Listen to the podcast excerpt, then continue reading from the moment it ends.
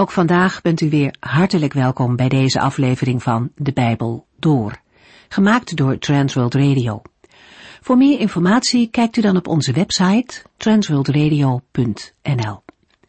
In deze serie gaat u in vijf jaar tijd met ons de Bijbel door, van Genesis 1 tot en met het laatste vers in Openbaring 22. Wij zeggen wel eens kort maar krachtig, en dat geldt zeker voor Psalm 117. Voordat we vandaag aan de langste psalm beginnen, kijken we even terug op deze kortste psalm. Hierin worden alle volken opgeroepen om de Here te loven. Niet alleen in Israël, maar wereldwijd. Volgens de Joodse overlevering werd Psalm 117 gezongen tijdens het Pesach als onderdeel van de Egyptische lofzang. En dat zijn de psalmen 113 tot en met 118. Het is niet zeker wanneer dit gebruik begonnen is. Wellicht was dat in de periode van Ezra. Toen het volk na de ballingschap voor het eerst Pesach vierde, sloten ook veel niet-Joden zich bij hen aan. Misschien dat het lied toen is geschreven, of misschien dat het als een al bestaand lied gekoppeld werd aan Pesach. De Hallelpsalmen werden in Israël gezongen bij de drie grote feesten. Het Pesach, Pinksterfeest en het Loofhuttenfeest. Bij het Pesachfeest ging de beker zevenmaal rond en tussendoor zongen de aanwezigen een van deze liederen. De Heer Jezus en zijn discipelen hebben deze liederen ongetwijfeld ook gezongen tijdens het laatste avondmaal, vlak voor zijn gevangenneming. En dat geeft een extra dimensie aan deze liederen. Psalm 118 was waarschijnlijk het laatste lied voor zij vertrokken naar de Olijfberg. En juist uit deze psalm komen ook de versen die geroepen werden toen de Heer Jezus zijn intocht in Jeruzalem maakte, enkele dagen daarvoor. Terwijl hij op een ezel de stad binnenging, riepen de mensen Hosanna, gezegend hij die komt in de naam des Heren. En ze zwaaiden met palmtakken. Ja, en binnen enkele dagen veranderde die roep in kruisig hem. Maar de hoop uit Psalm 118 reikt ook ver voorbij dat moment. De dood werd immers verslagen en de Heer Jezus bracht eeuwig leven. En met de psalmdichter mogen wij nu ook verwachtingsvol uitkijken en zeggen, gezegend is hij die zal komen in de naam des Heren. Psalm 119 is een loflied op het woord van God. De psalm valt op als langste in het Bijbelboek Psalmen, als ook vanwege het feit dat het thema, Gods Torah of wet, de hele psalm bepaalt. De psalm kan geduid worden als Torah-psalm, net als psalm 1 en 19. De dichter bezingt de veelkleurigheid van Gods wet en toont, met veel persoonlijke inbreng, de veelzijdige wijsheid en diepgang van het woord van de Heer. Hierbij heeft de psalm vaak een meditatieve strekking. De intentie van de dichter is niet alleen de schoonheid van Gods woord te beschrijven, maar hierbij ook te wijzen op het belang van het vasthouden aan het woord van de Heer, als ook te wijzen op de wijsheid die een mens in de wet van God wordt voorgehouden. Het gaat om de betekenis van de Torah voor de dagelijkse levenswandel en om de blijdschap en troost die een mens hierin kan vinden. De structuur van de psalm is duidelijk herkenbaar als alfabetisch acrostigon. In dit type psalm komt de eerste letter van een tekstdeel telkens overeen met een opeenvolgende letter van het Hebreeuwse alfabet. Overeenkomstig de 22 letters van het Hebreeuwse alfabet bestaat het gedicht uit 22 delen of coupletten van acht regels. Totaal 176 regels. Alle regels van een couplet beginnen met dezelfde Hebreeuwse letter. Het is mogelijk dat de acht versen van een couplet verband houden met het feit dat de dichter acht verschillende termen als synoniemen voor het begrip Torah gebruikt. In Psalm 119 komen elementen en kenmerken van verschillende genres samen. De psalm kan verklaard worden als wijsheidspsalm, lofpsalm, gebed en als een persoonlijk lied. De vorm en inhoud duiden vooral op een wijsheidspsalm, terwijl de manier waarop Gods woord wordt geprezen kenmerkend is voor een lofpsalm. De vaak voorkomende uitingen van nood, verdrukking en verdriet, die gepaard gaan met smeken om Gods hulp en uitredding, zijn typerend voor een gebed. In veel gevallen is het gebed verbonden met een individuele klacht. Vaak worden de gebeden en klachten afgewisseld met het uitspreken van vertrouwen. Het geeft de psalm zeer persoonlijke trekken. Regelmatig heeft psalm 119 ook een didactische toonzetting. Zowel de vorm als de inhoud van psalm 119 heeft veel overeenkomsten met het Bijbelboek Spreuken, met name in de gedachtegang, het taalgebruik en bepaalde thema's, zoals de nadruk op de juiste levenswandel, het vasthouden aan Gods woord en het afwijken van het kwaad. Psalm 119 is anoniem. Er is geen opschrift en hoewel de tekst autobiografische gegevens bevat, bieden die geen duidelijke aanwijzingen voor de dichter. Hij blijft als auteur onbekend, al kunnen we hem wel leren kennen door de inhoud van Psalm 119. Hij noemt zichzelf bij herhaling dienaar van de Heere. De gebeden, belijdenissen en klachten bevatten informatie over het leven en de geloofsworstelingen van de dichter van Psalm 119. Hij blijkt met sterke tegenstanders te worden geconfronteerd. Hij moet Psalm 19 hebben gekend, want hij nam vijf sleutelwoorden die betrekking hebben op Gods woord over. Op grond van de versen 9, 99 en 100 nemen we aan dat de dichter een vrij jong persoon is. Hij is omgeven door gevaren, vijanden, dreigingen en aanvallen van mensen die hem bespotten. Zijn tegenstanders blijken sterk en machtig te zijn. Ze honen hem vanwege zijn trouw aan de Torah en proberen hem met leugen en list te overrompelen. Te midden van al deze beproevingen blijft de dichter zich vastklampen aan het woord van God. Daarin vindt hij zijn vreugde, troost, kracht en moed. Tegen welke historische achtergrond dit alles moet worden gezien, valt niet te zeggen. Mede hierdoor is de psalm tijdloos en voor vele gelovigen herkenbaar. Psalm 119 biedt een uitvoerige en gevarieerde verhandeling over het woord van God. Woorden die op andere plaatsen in de psalmen worden gezegd over de Here, worden in Psalm 119 toegepast op de Torah. Gods wet is een voorwerp van liefde van de dichter, een bron van vreugde en troost, studie en overdenking. De dichter beleidt zijn vertrouwen in en op het woord van God. Gods woord is betrouwbaar, zuiver, kostbaar en alle lofprijzing waard. Als dienaar van de Heere wil hij altijd trouw blijven aan de Heere en zijn Torah. In de uitwerking van het thema Torah is Psalm 119 een wijsheidspsalm. Net als in de wijsheidsliteratuur worden de schepping, het verbond met de aartsvaders, de Exodus, het verbond aan de Sinaï, heiligheid en soortgelijke thema's nauwelijks of niet genoemd. Alleen de Torah als woord van God krijgt alle aandacht, waarin overigens de genoemde thema's wel worden behandeld. Psalm 119 heeft een eigen woordgebruik. Het gaat daarbij in het bijzonder om de acht verschillende termen die voor Torah worden gebruikt. Daarmee wil de dichter de verschillende aspecten van de Torah benoemen. Zo wordt in 171 van de in totaal 176 versen nadrukkelijk verwezen naar het woord van God. Ook zijn er zeven werkwoorden die regelmatig terugkomen in de beschrijving van de relatie tussen de Heere, zijn woord en de gelovigen, als ook vier vaak gebruikte begrippen. De meest gebruikte termen in Psalm 119 zijn wet, onderwijzing en leer.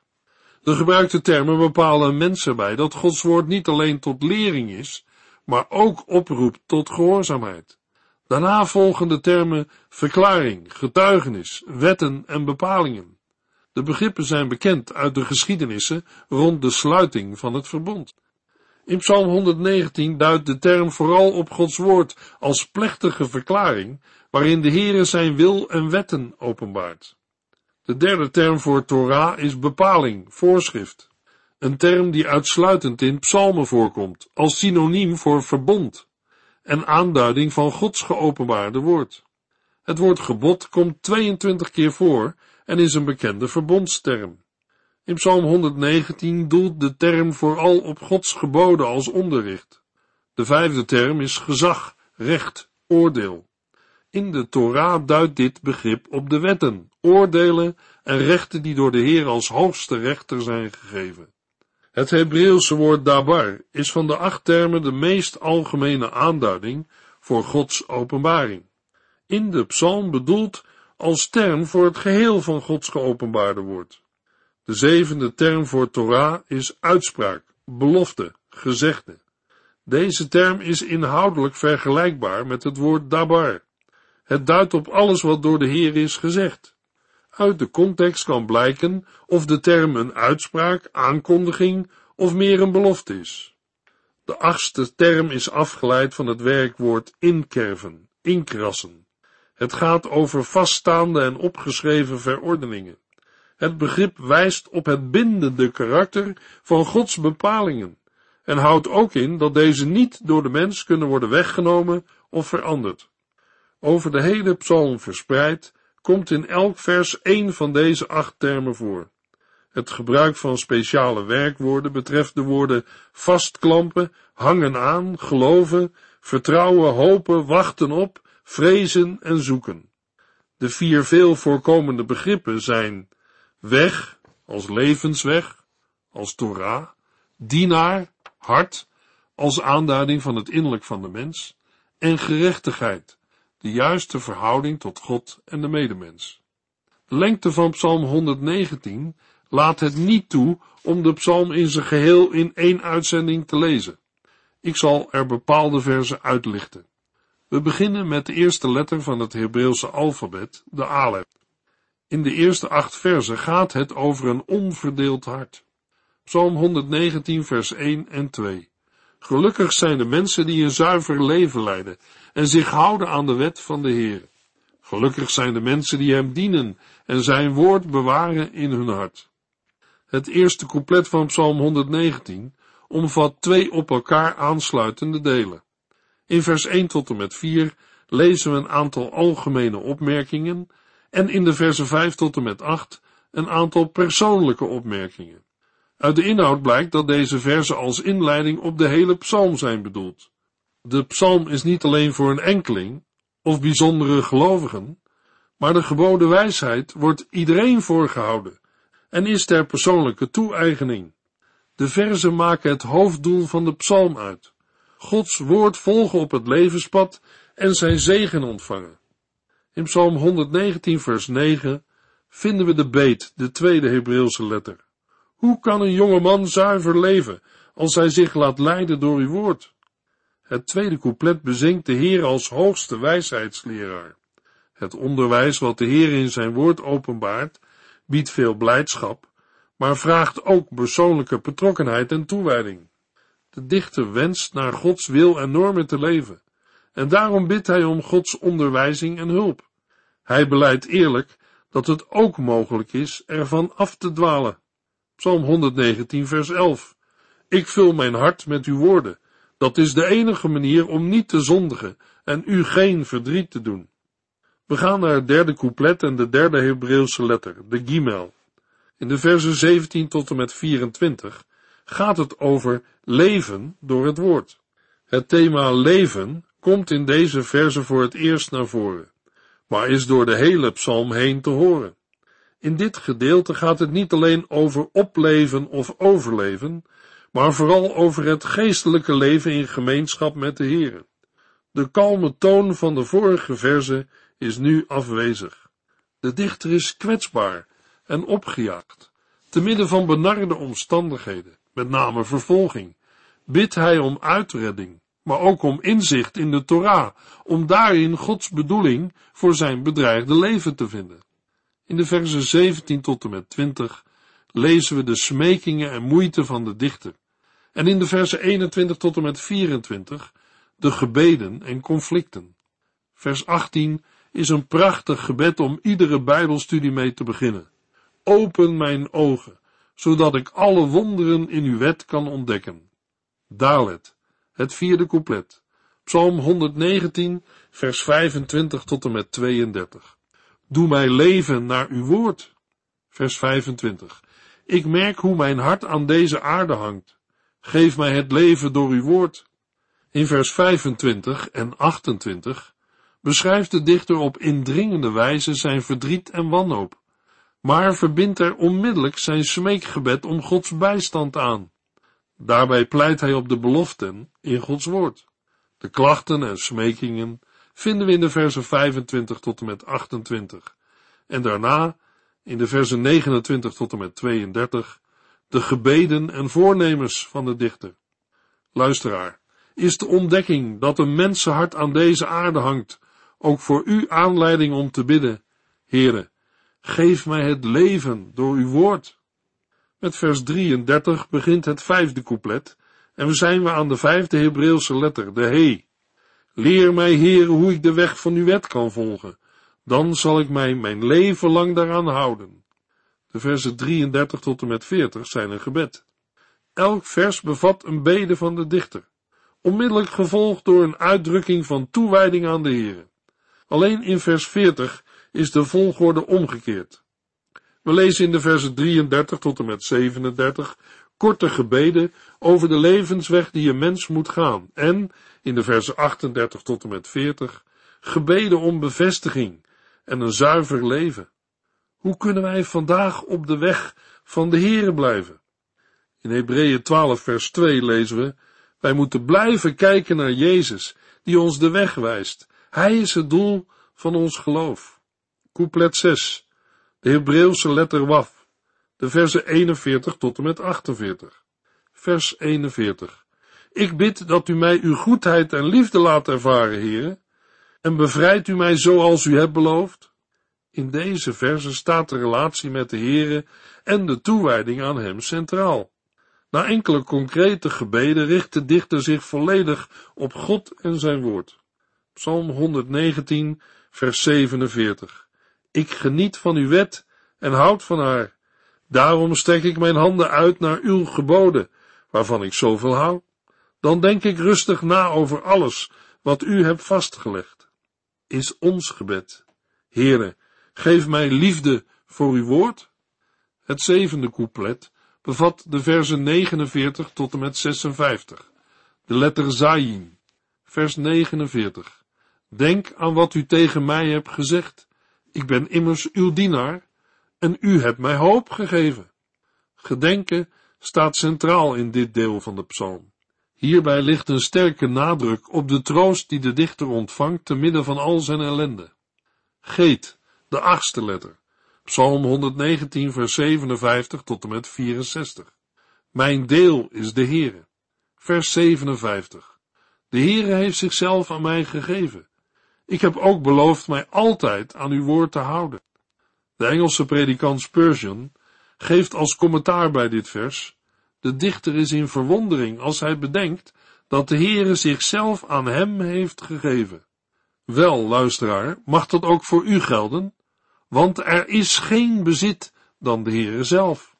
Psalm 119 vers 62 Rond middernacht sta ik op om u te prijzen voor uw rechtvaardige wetten en geboden.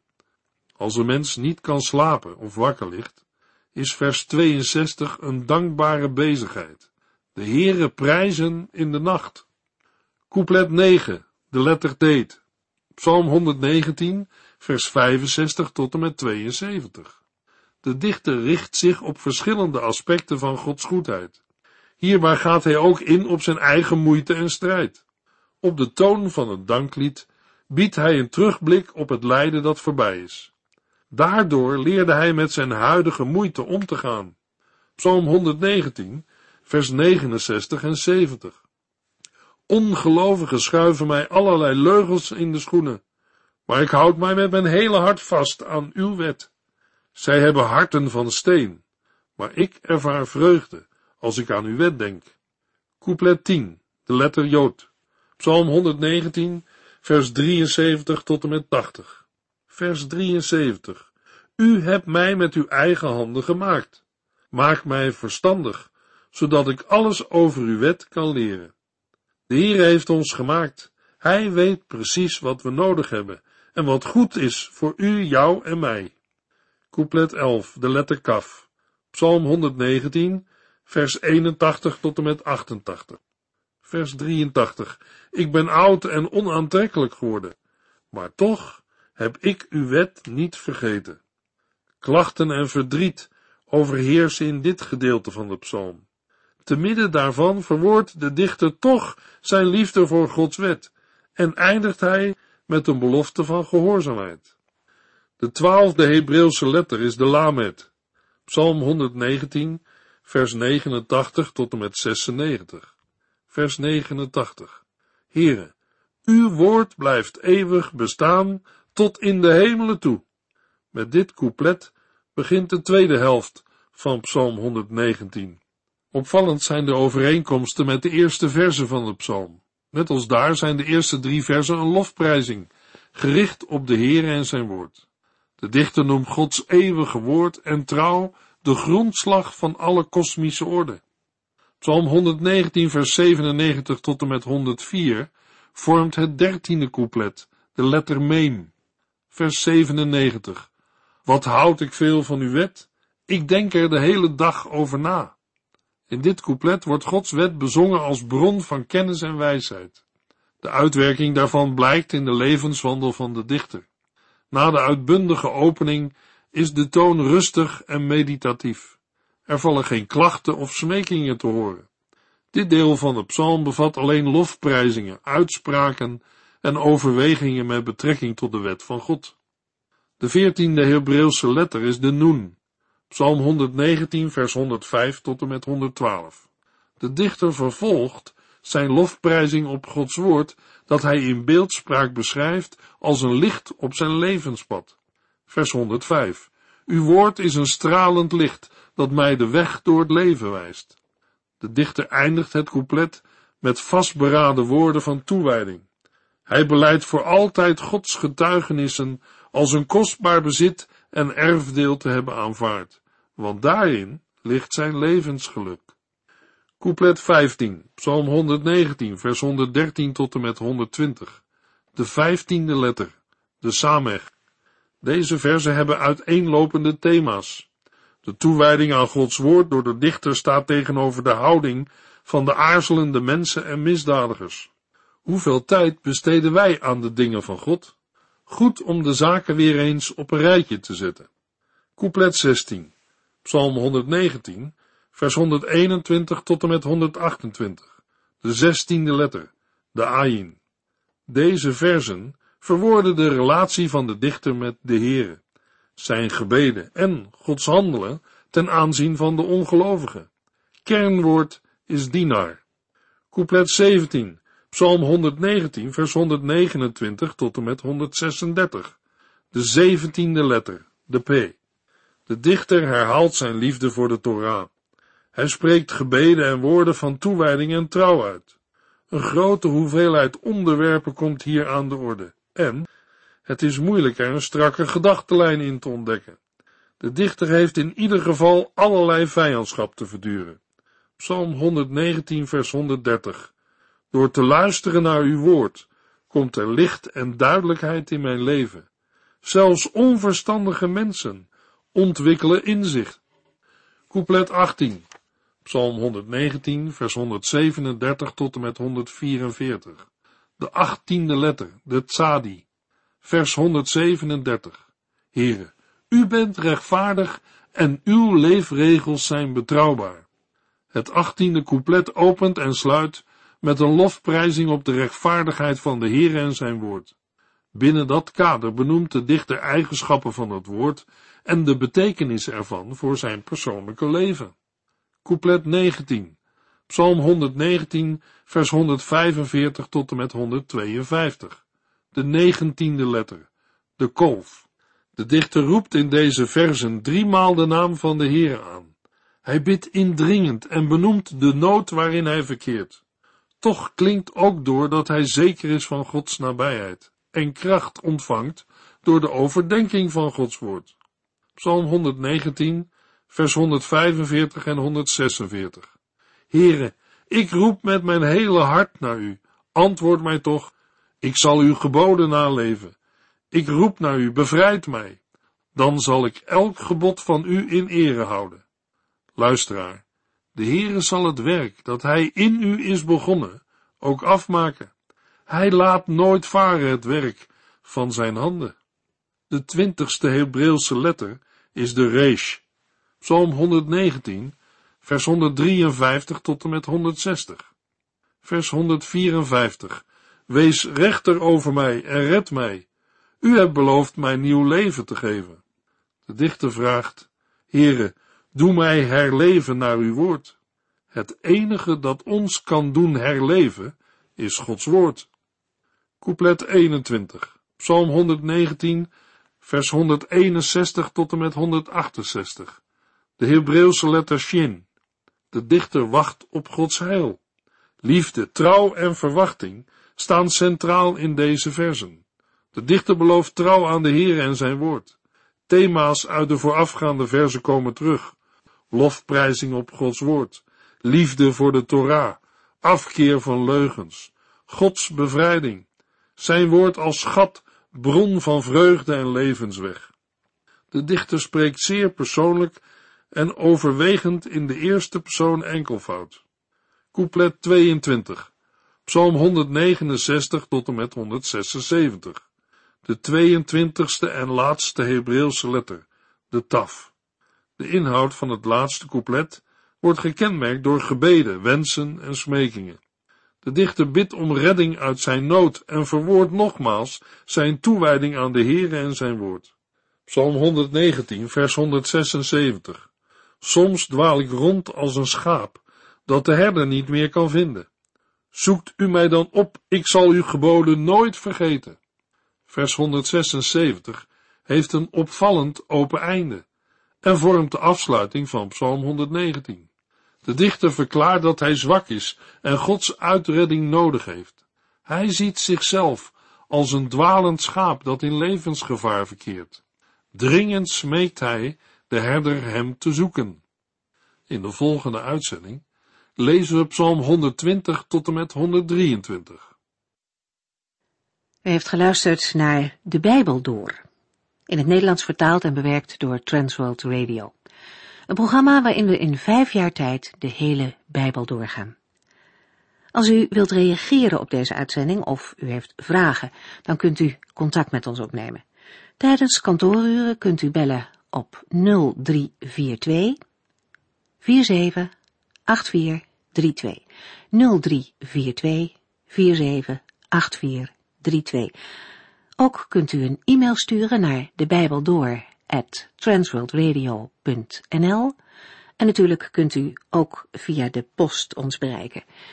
TWR, postbus 371, postcode 3770, AJ in Barneveld. Dit programma werd gepresenteerd door Cor Weda en Ike André. Techniek was in handen van Odin van Voerkom. En wij allemaal bedanken u voor het luisteren. Graag tot de volgende keer.